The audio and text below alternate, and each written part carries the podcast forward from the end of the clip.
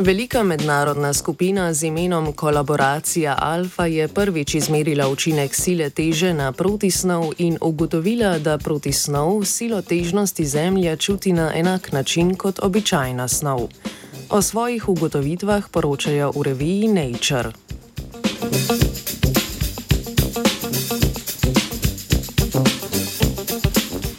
Da tako snov kot protisnov padeta proti tlom, se zdi trivialna ugotovitev, vendar gre šele za prvi poskus, ki je omogočil opazovanje gibanja protisnovi v gravitacijskem polju.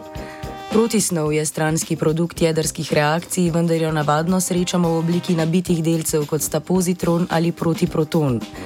Od delcev običajne snovice razlikujeta po naboju. Pozitron je pozitivno nabit partner elektrona, protiproton pa negativno nabit partner mnogo težjega protona.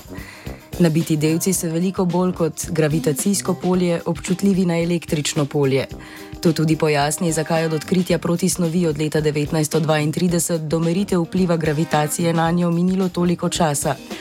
Električno polje je namreč pretežko zadušiti do te mere, da bi lahko opazili učinke gravitacije na nabite delce.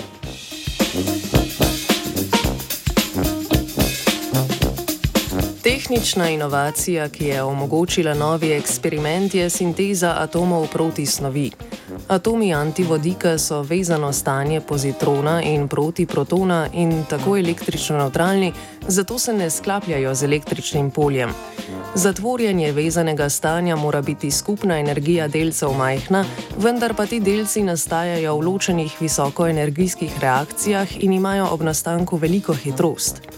Zato so morali pozitrone in protiprotone po tvorjenju upočasniti in dostaviti v isto vakumsko komoro. Od nekaj sto tisoč pozitronov in protiprotonov so pri tem v štirih urah pridobili okoli 100 atomov antivodika.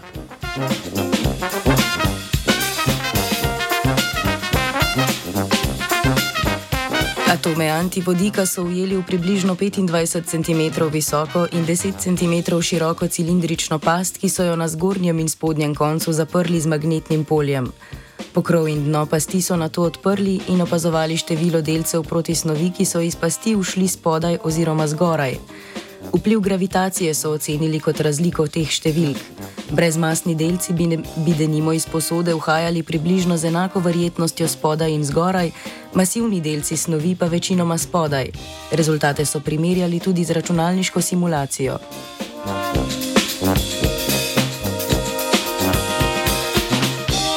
Gravitacija se vsaj znotraj sistematičnih napak eksperimenta in simulacije za protisnov tako obnaša enako kot za navadno snov, torej privlači mase med sabo.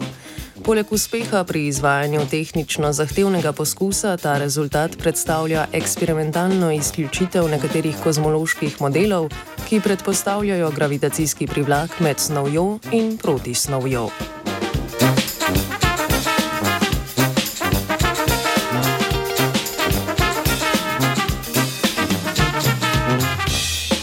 Znanstveni Britov je pripravil Martin.